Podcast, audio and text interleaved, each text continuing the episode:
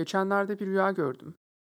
Yani hem bilinçaltımın derinliklerinden hem de aynı zamanda gündemle de bağlantılı şeyler içeren bir rüyaydı.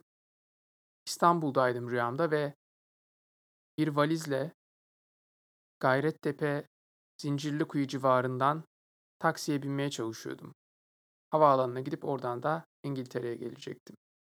Ve hiçbir şekilde taksi bulamadım. Valizle oradan oraya dolaşıyorum. İşte taksilerin bagajlarına koyuyorum, binmeye çalışıyorum, almıyorlar. Ve diyorum ki ya tamam hani gideceğim ama 30 lira vereceğim bak hani beni alın mutlaka hani uçağımı kaçıracağım falan diye.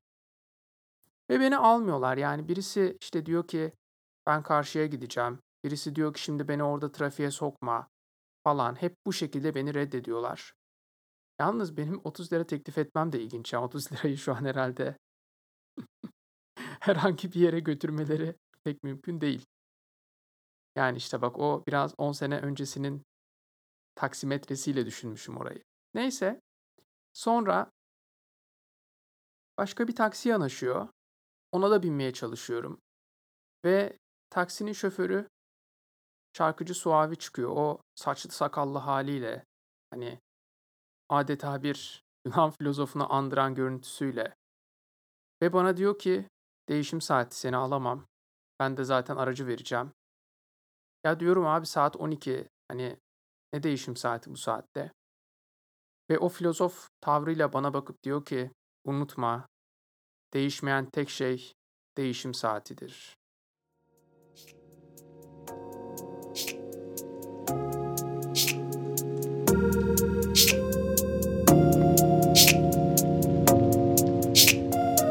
Sen çok iyi birisin.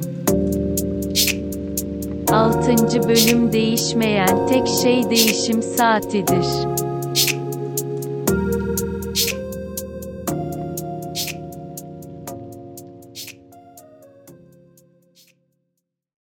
Merhaba, merhaba. Herkese merhabalar. Uzun bir aranın ardından, bayağı bir uzun bir aranın ardından. Ya az önce baktım 6 ay olmuş en son bölümü yüklediğimden bu yana. Hakikaten uzun bir süre. Yeniden birlikteyiz. Tabii neden bu kadar uzun süredir bölüm atmadığıma dair bazı sebeplerim var. Yani kendimce sebeplerim vardı. O yüzden bu podcast yarım kaldı. Ama yani yarım kalmadı. Sadece bir ara verdim. Uzun bir ara verdim. İşte o arada Türkiye'ye gittim. Türkiye'de bayağı bir kaldım. Sonra üçüncü bir ülke vasıtasıyla buraya geldim. Karantina tedbirleri nedeniyle. Sonra da buraya geldim bir sürü iş oldu. Aslında bunu genel olarak kısaca anlatacağım.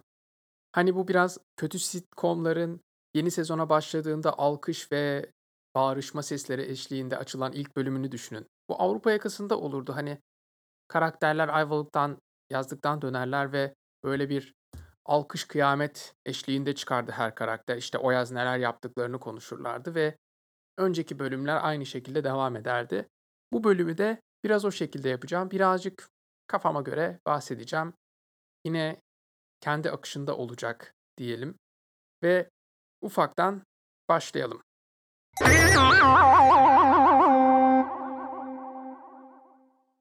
Tabii bölümün başında anlattığım taksici hikayesinin burayla da bir bağlantısı var. O da şöyle. İngiltere'de geçtiğimiz ay bir kamyoncu sıkıntısı baş gösterdi. Ve hakikaten ülkede kamyoncu eksiği vardı. Yani kamyoncular gitmiş. Gitmişler yani yoklar. Ve öyle olunca önce benzin sevkiyatında sıkıntılar yaşandı. Benzin kuyrukları oldu. Ondan sonra diğer ürünler taşınamaz hale geldi ve bir anda bir kargaşa hali oluştu. Yani neden kamyoncular yok? Nerede benzin? İnsanlar benzin alamıyor falan. E tabi burada hani Türkiye'deki makarnacılar odası gibi hani bu ülkeyi makarnaya boğarız deyip sonra da vitesi arttırıp değil makarnaya bulgur ve una da boğarız diyen bir teşkilat yok. Yani ne bileyim bir BP çıkıp e, biz bu ülkeyi kurşunsuz benzine boğarız ya da ne bileyim Karahambar Kamyoncular Derneği de çıkıp bu ülkeyi kamyoncuya boğarız demiyor. Tabii öyle olunca her yerde kuyruklar, her yerde ürün eksikleri falan bir süre bunun çözülmesi vakit aldı. Ama neyse ki, günümüzde şu an durum iyi. Yani geçen markete gittim.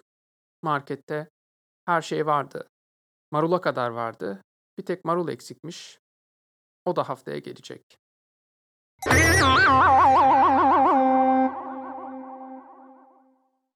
Yani gerçi bölüm yüklememe sebebi olarak kamyoncu sıkıntısını göstermek çok saçma oldu. Yani bu bir sebep değildi ama o dönem meşgul olduğum bir şeydi.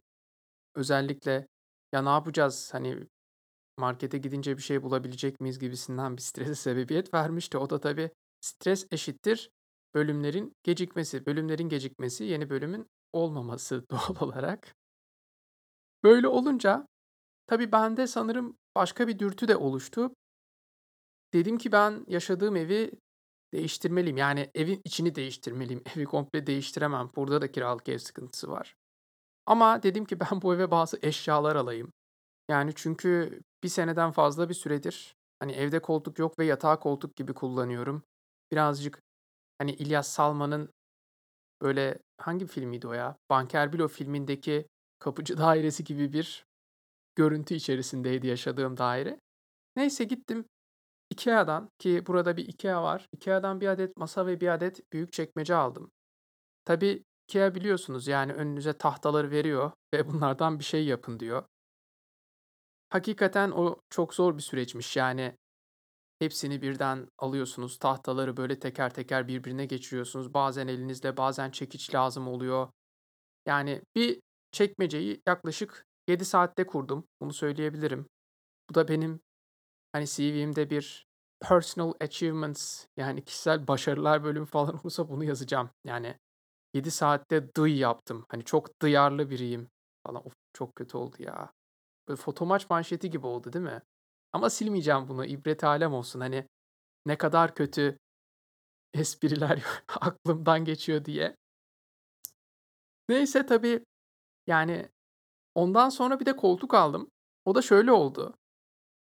Arkadaşım kendisine bir koltuk alacaktı. Dedim ki bana oradan bir tane alsana. İşte bana videosunu gösterdi. Bak böyle bir şey var falan olur mu? Olur.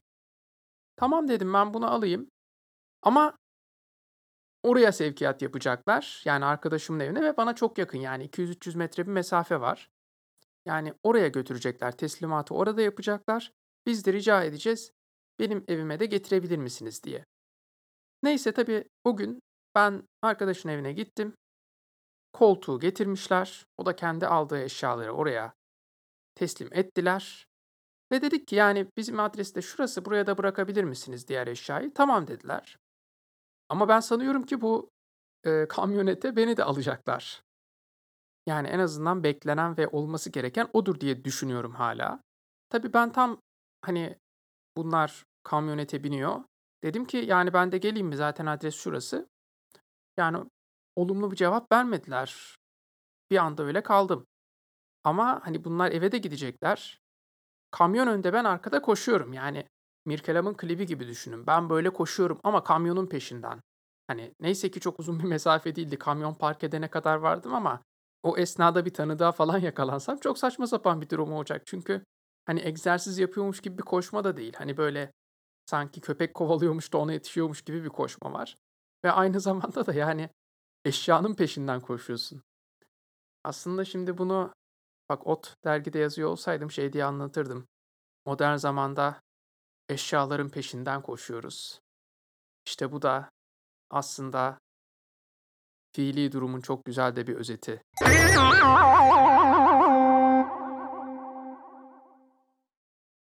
Ama neyse ki biraz insaflı çıktılar yani koltuğu odanın içerisine kadar getirdiler. Bu da bir şey.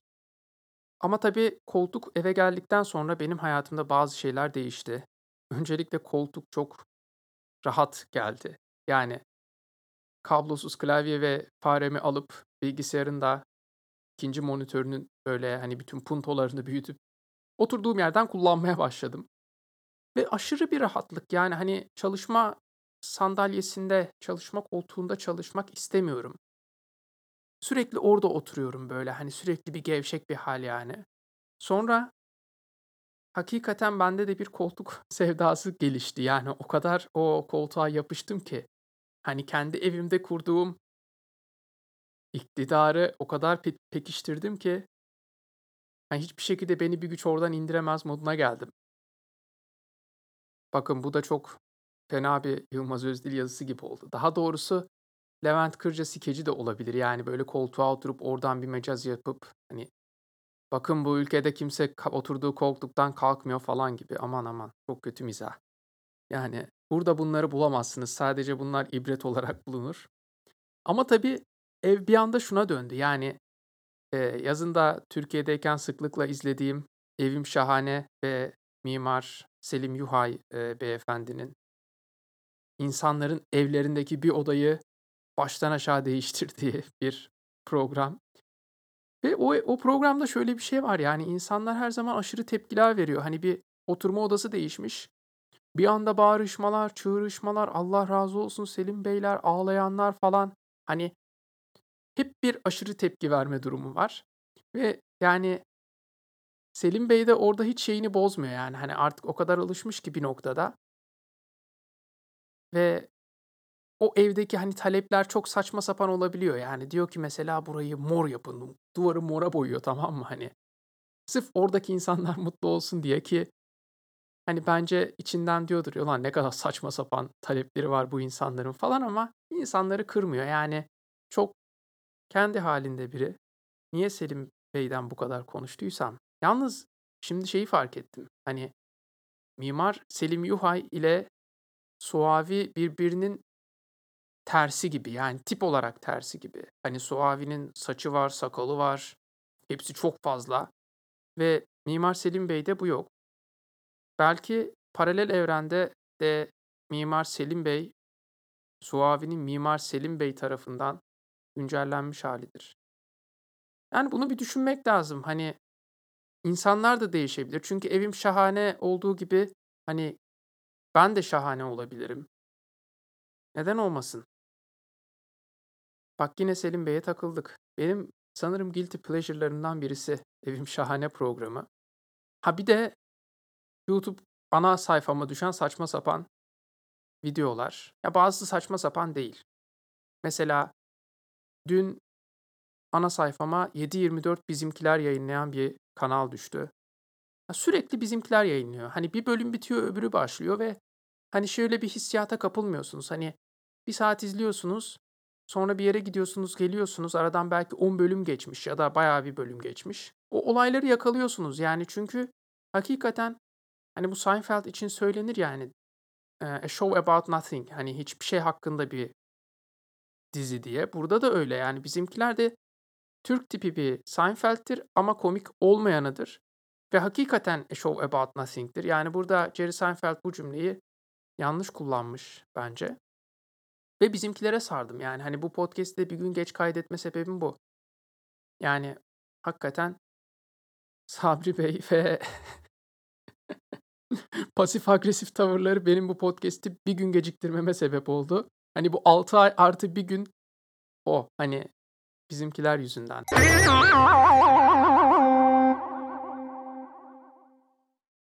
Ha nerede kalmıştık? Koltuk diyordum bak.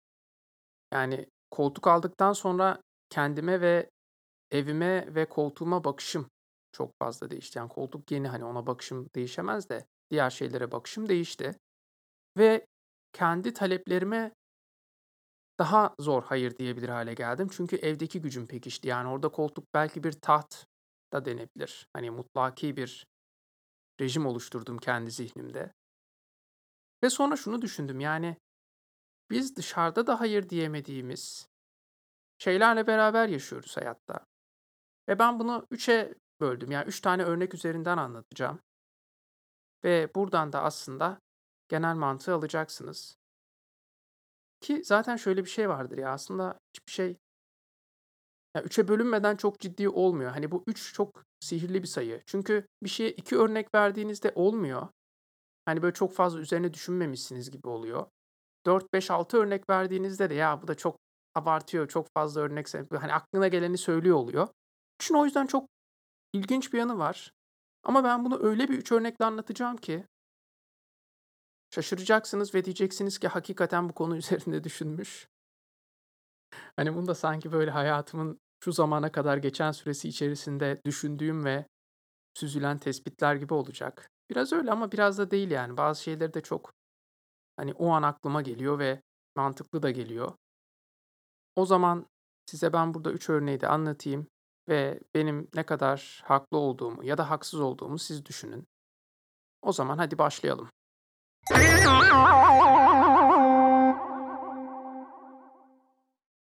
Ve aslında karşı çıkamadığımız 3 tane grup var. Yani ne derlerse desinler hak vereceğimiz, en azından o an için şey diyemeyeceğimiz. Bunlar da bence öğretmenler, berberler ve taksiciler.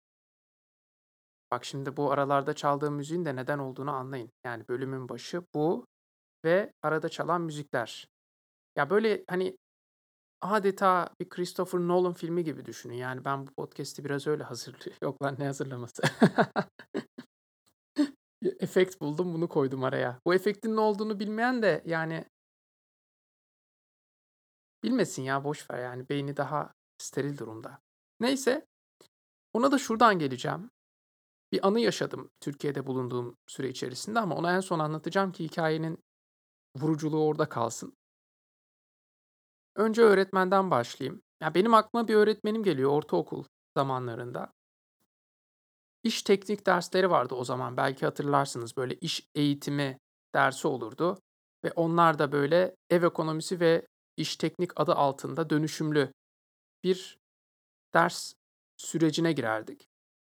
Ve bir tane iş teknik atölyesi vardı bizim okulda ve içerisinde torna tezgahı var. İşte böyle bilimum hani değişik materyal var falan. Ve o dersinde bir öğretmeni vardı. Kendisi hani benim aklımda tam bir stereotip olarak kayıtlı. Yani çok fazla yerli tütünden dolayı sesi çatallanmış ve bıyığı sararmış. Aynı zamanda sürekli bir kendisinin ne kadar haklı ve bizim ne kadar hayırsız olduğumuza dair bazı tespitler söyleyen biriydi. Ve sürekli şunu derdi yani bir gün düşüneceksiniz ilerleyen yıllarda işte bilmem kim diye şimdi adını vermeyeyim. Bir öğretmenimiz vardı ne kadar doğru söylüyordu diyeceksiniz diyordu. Ama hani hiçbir şey demiyordu. Sürekli bunu diyordu. Yani sürekli kendisinin haklı çıkacağına dair ciddi bir inancı vardı. Ve o da çok ilginçti. Yani hangi konuda haklı çıkacağını bilmiyorduk. Ve sürekli bize hani tuhaf konularda kızıyordu. Yani onu bile hatırlamıyorum. Sadece ben çok haklı çıkacağım ve siz çok haksızsınız ve size çok fena laflar hazırladım modunda bir durumdaydı. Ve 2006 civarında Türkiye'de şöyle bir furya başlamıştı. İcat yapma. Hani bütün ülke medyasıyla, toplumuyla falan böyle bir hani icat yapacağım, çok acayip bir şey bulacağım ve köşeyi döneceğim gibi bir furya içerisine girmişti. Ve o zaman da bu iş eğitimi derslerinin adı bir anda teknoloji ve tasarım oldu. Yani müfredat değişti ve hani bir önceki sene hani mukavvadan bir şeyler yaptığımız, işte cilt yaptığımız, orada torna tezgahı olan atölyede yapılan dersler esnasında inovasyon, teknoloji falan konuşulmaya başlandı. Yani ve bunu aynı hoca konuşmaya başladı. Yani bir sene hani sanki güncellemeyi almış, önceki sene böyle hani beraber böyle cildi sıkarak tuttuğumuz ve oradan bir cilt yapmaya çalıştığımız ki onun da ne manası varsa onu da bilmiyorum. Ya da ahşap boyadığımız, bu tarz faaliyetler yaptığımız derste bir anda hani herkes mucit tribine girmişti. Yani daha doğrusu müfredat öyle yapmamızı istiyordu ve ve hani biz de çok da fazla bir şey yapmıyorduk. Yani daha ziyade test çözme amaçlı kullanmaya başlamıştık ve bu sefer aynı hoca bu konuda yine sinirleniyordu bize. Yani sadece hani siz burada test çözüyorsunuz ama icat yapmak, inovasyon yapmak da önemli.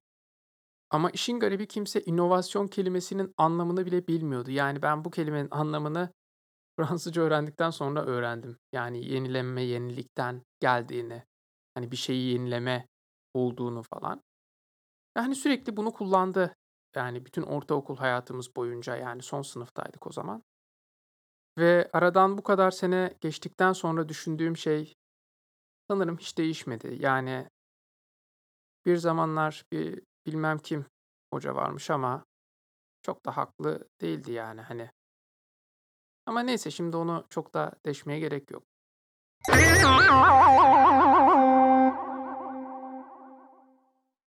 İkinci karşı çıkamadığım grup olarak berberleri demiştim. Yani aslında beni bilen bilir. Ya benim hakikaten sadece bir kişiye saçımı kestirme gibi bir durumum vardır. Yani onu yıllardır değiştirmem ki hani uzun yıllardır hep farklı yerlerde yaşıyorum falan. Ama bazen hani sakal tıraşı olmak hani bir tür o aldatmadan sayılmaz gibi geliyor herhalde. Sakal tıraşı olmak için bazen berberlere gittiğim oluyor. Bu da birkaç sene önce yaşadığım bir olaydı.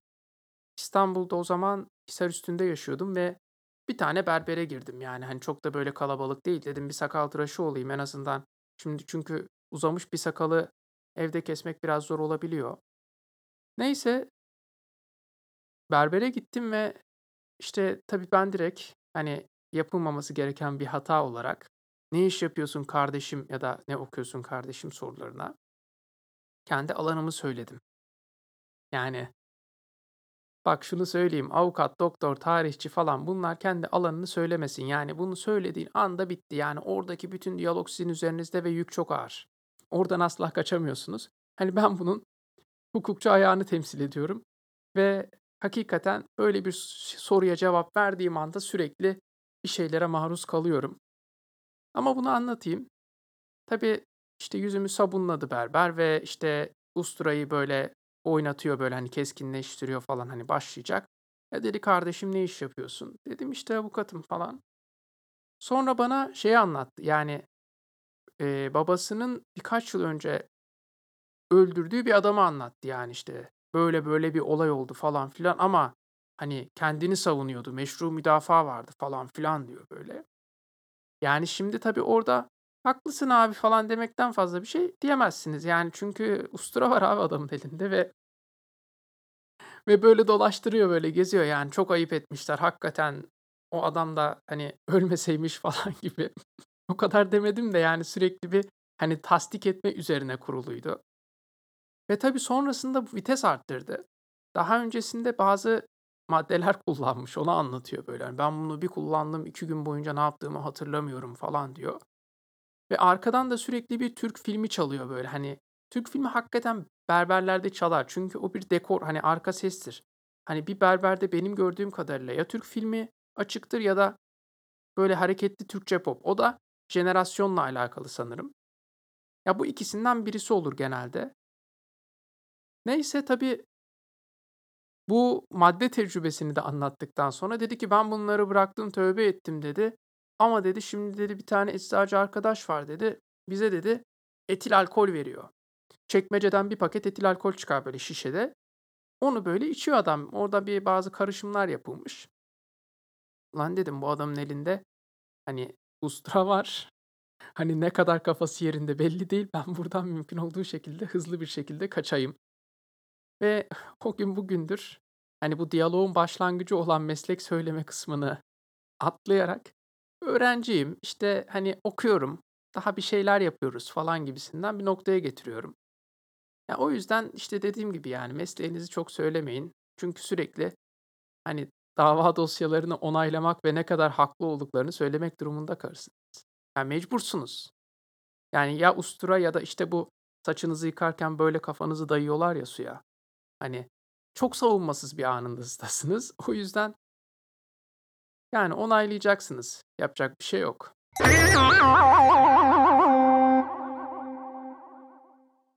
Bölümümüzün bu kısmı çok yüksek derecede kötü şive komedisi ve taklit içermektedir. Lütfen küçük çocuklarımıza, evimizdeki küçük ev hayvanlarımıza bu bölümün bu kısmını dinletmeyin. Bu da böyle şey gibi oldu ya. Savaş Ay'ın A takımında çocukları çıkarın, başka odaya gönderin gibi bir anonsu vardı ya. Onun gibi oldu hakikaten. Ama bunu yapmam lazım çünkü bu hikaye çok ibretlik ve %100 gerçek. Yani burada hiçbir şekilde bir ekleme, çıkarma bir şey yok. Bak bu hikaye tamamen doğru. %100 yaşanmış bir olaydan esinlenerek. O esinlenme de yok. %100 yaşanmış. Geçtiğimiz Ağustos ayında İstanbul'dayken yani birkaç günde İstanbul'a gitmiştim ve bir akşam bir arkadaşla oturduk. Ve günün sonunda, yani gece başladığında artık dağılacağımız zaman benim kalacağım yerde biraz uzak olduğu için ya dedim beni hani bir taksi durağına bırakırsan ben oradan giderim. Tabii o zaman da bu taksicilerin yolcu seçmesi, yolcu almaması durumu da hani olduğu için birazcık da temkinliyiz. Yani ulan bulabilecek miyiz acaba falan diye. Neyse tabii bir tane taksi durağının önünde ben indim. Seslendim eee, yani yolcu alıyor musunuz? Eee, ben binecektim falan diye. Sonra şöyle bir cevap geldi. Ve o cevap geldiğinde hakikaten hayatımın ibretlik anlarından birini yaşayacağımı fark etmiştim. Uy sen gel buraya da bir çay içelim.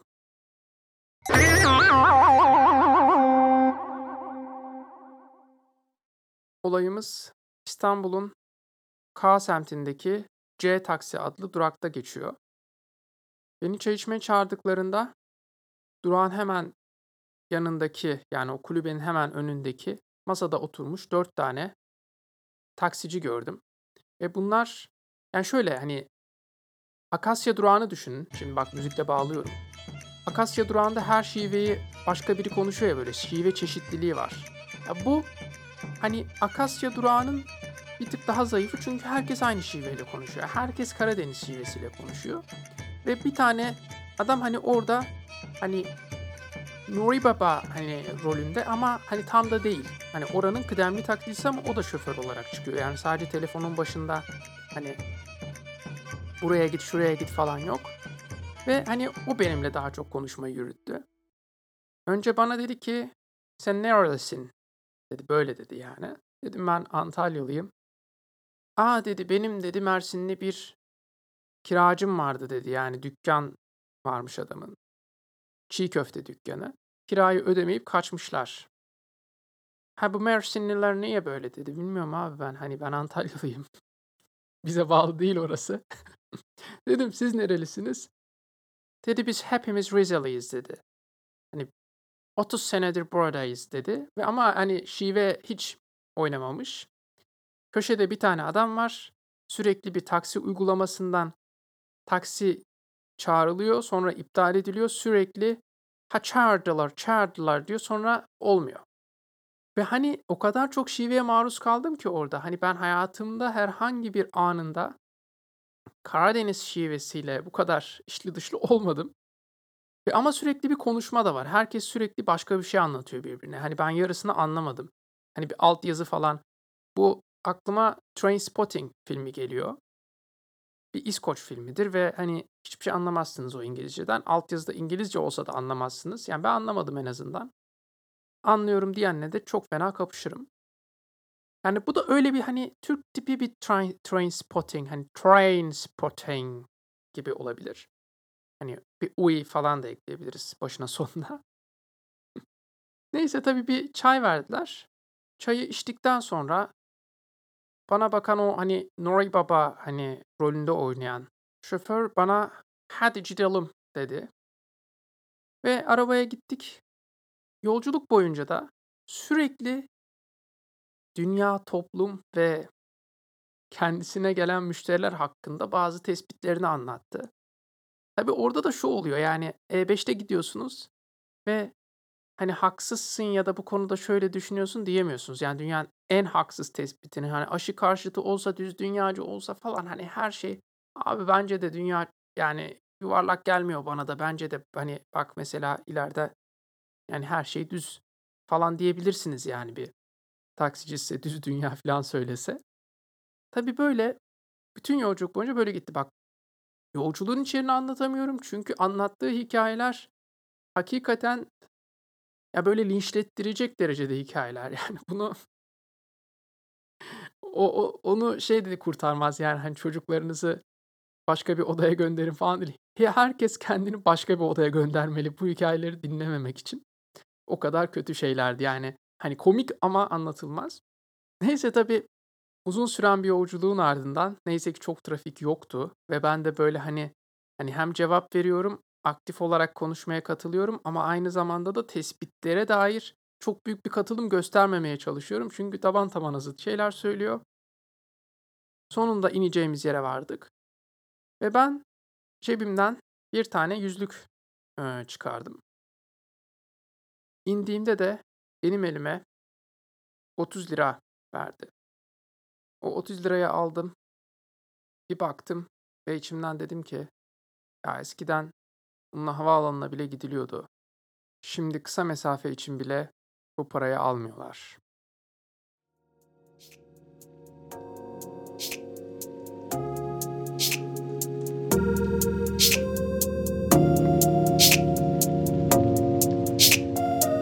Sen çok iyi birisin. 6. bölüm sona erdi.